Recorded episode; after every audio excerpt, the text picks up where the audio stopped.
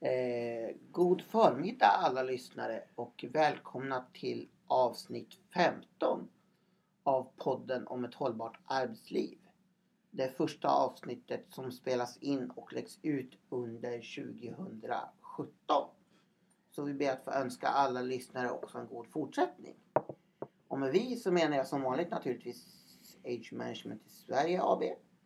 Det är som vanligt jag, Johan E Skoglund, som är poddens programledare. Och med mig har jag våra två arbetsmiljöexperter som alltid.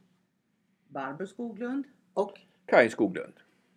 och som vi sa i sista podden förra året så var det Kai som viftades ut och sa att ja, jag vill, jag vill prata. För du hade ett, ett ämne som du ville ta upp i nästa podd. Så därför tänkte jag helt enkelt helt fräckt inte göra någon liten inledning som jag brukar. Utan du får ta över direkt för det är ju det här är din podd. Eller din podd, men det är du som är upphovsperson till det här podden. Jajamensan. Och mina två medpoddpratare har ingen aning om vad som ska komma nu. Vi får väl se om de blir opponenter till det ämne som jag tänker ta upp idag. Ja, du menar som idévärlden på TV att vi ska opponera mot din tes? Ungefär så. Fast Ungefär här så. har, vi, här har vi ingen som ritar små streckgubbar i Nej. början.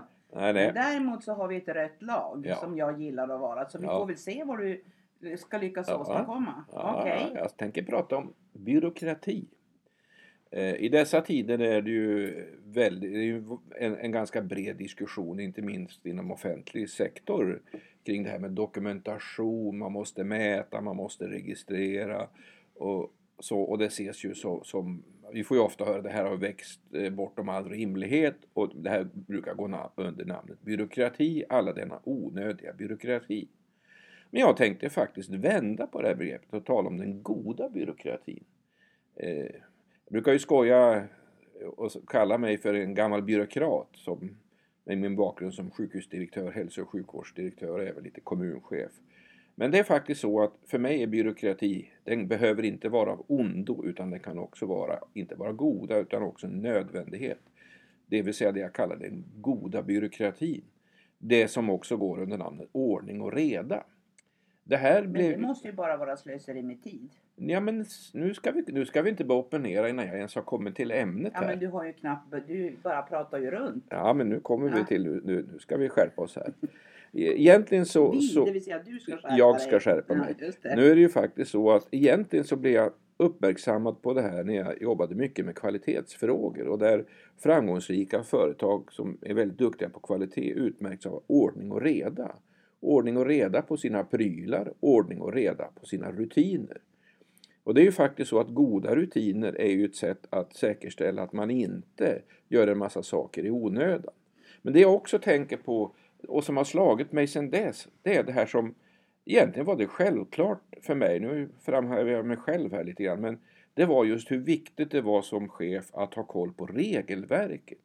Allt ifrån lagstiftning till styrande dokument från uppdragsgivaren.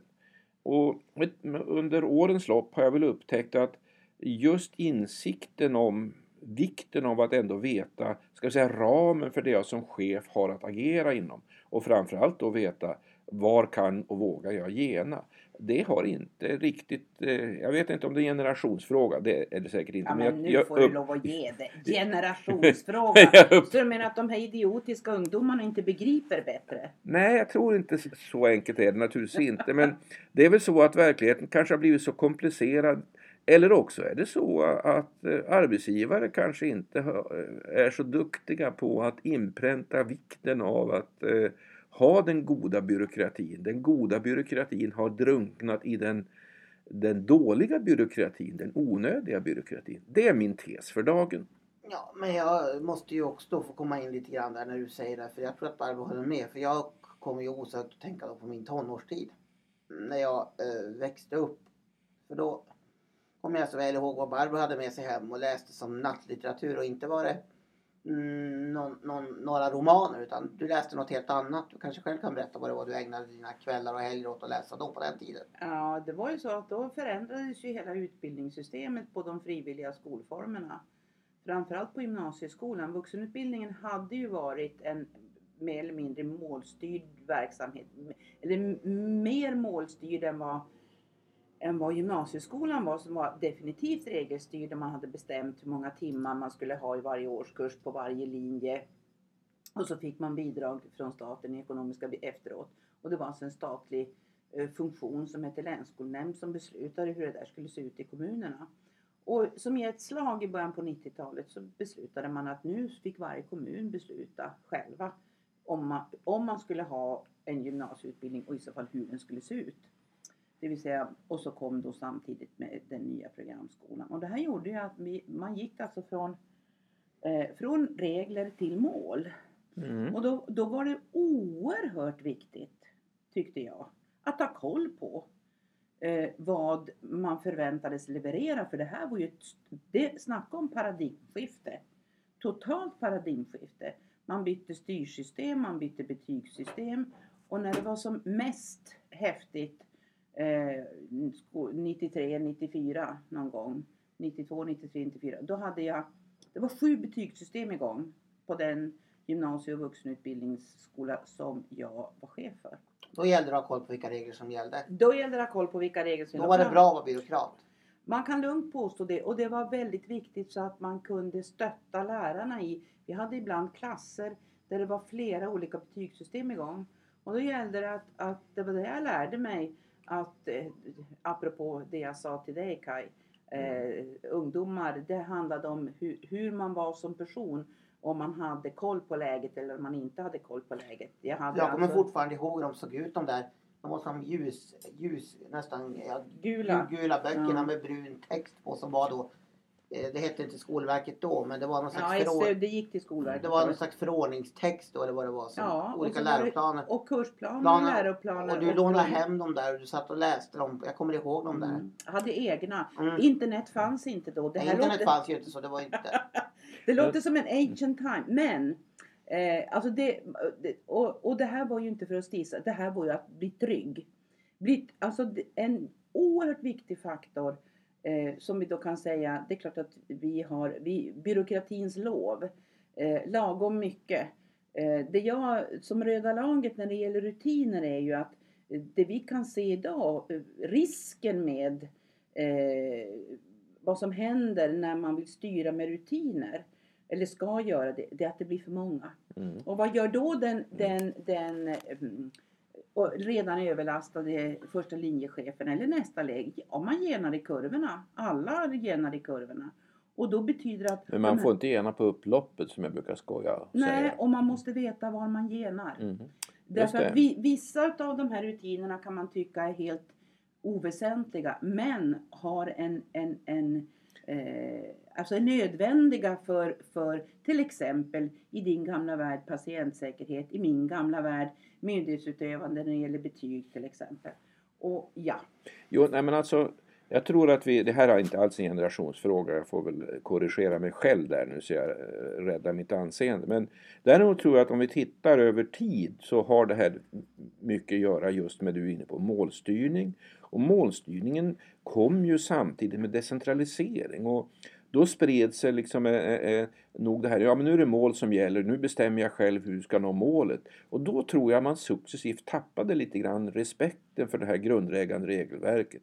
Det var liksom bättre, alltså det fanns en chefs, eh, ska vi säga, modell. Att det var bättre att skjuta från höften och fatta snabba beslut och det där med att ta hänsyn till, till regler och restriktioner, det, det var liksom, det, det var fel. Jo, jag, jag, tror, jag, för jag, jag tror att det ligger mycket i det. Och sen har det naturligtvis slagit över, som en motreaktionen har kommit den här dåliga byråkratin när det är så oerhört mycket som ska dokumenteras. Så jag tror att det, där finns ett historiskt intressant skede under de ska jag säga, tre decennier ungefär. ja om man nu ska... Fast nu var det Johan som ja, ville just komma in. Nej, jag skulle bara säga att eh, sen har ju byråkraten på kanske det, eller privata att säga, men på det lite mer allmänmänskliga planet ändå fått en viss renässans.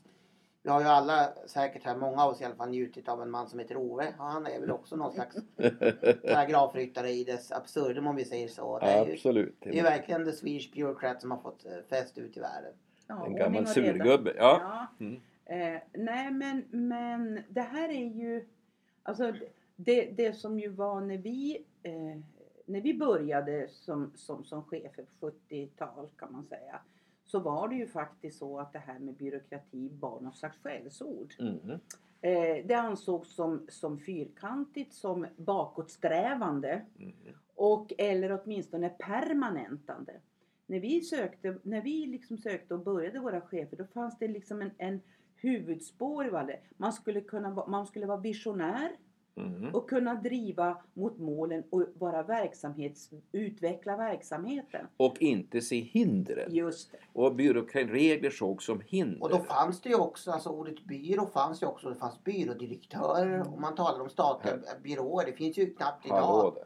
Här sitter ju en som faktiskt har innehaft just titeln byrådirektör en gång Och då i måste början vi- av Och karriären. då var det ju inte må- möbelhandlare ska vi säga till den yngre generationen. Det var inte så att det sålde byråer. Ja, men jag tror vi lämnar den. Nej men det är faktiskt en ganska, därför att det var Det den tycker jag låter som statliga, en liten bra avslutning. För Ja, jag tycker att vi, det var den statliga, eh, det var den statliga, eh, om vi kallar det för nomenklaturan, alltså Mhm. den statliga titulaturen.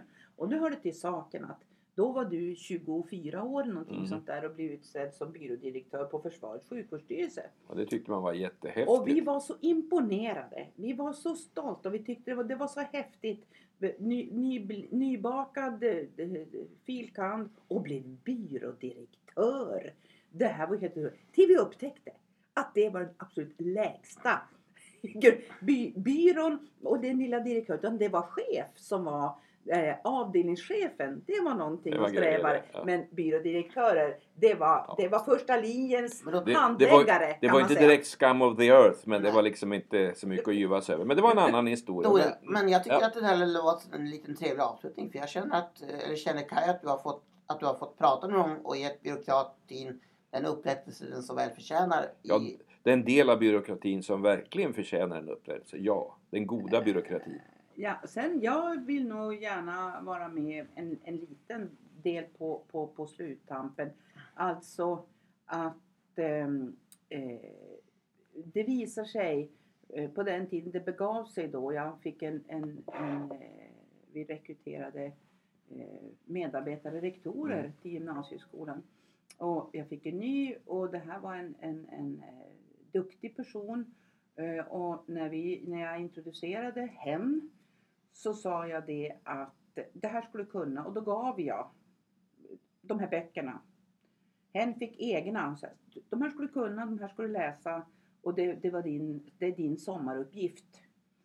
Eh, för Var det skollagen och det här? Ja, det var skollagen, Ja, mm. gymnasieförordningen Mm. eh, och det var läroplanerna. Mm. Framförallt därför att det här var ett, ett, ett speciellt område med, Mm. med vissa eh, program. Eh, och eh, sen när våra vägar skildes åt några år senare så säger den här personen till mig Jag fattar inte vad du, vad du sa. Tänkte, Vad är det här för ett knäppt ställe jag har kommit till? Med en chef som säger det här ska du kunna. Men jag gjorde ju som du sa. Och det här var det bästa jag har gjort. För det här har jag haft användning för nästan varje dag i mitt jobb som rektor. Därför att den här personen kände alltså trygghet i att, att utöva sitt, sitt mandat och sitt ansvar som rektor. För det var, det var nämligen den lagstiftningen som man skulle lita sig på. Mm. Och inte, och inte det, för det jag vill lägga som, som alltså i den här resan, och apropå byråkrati.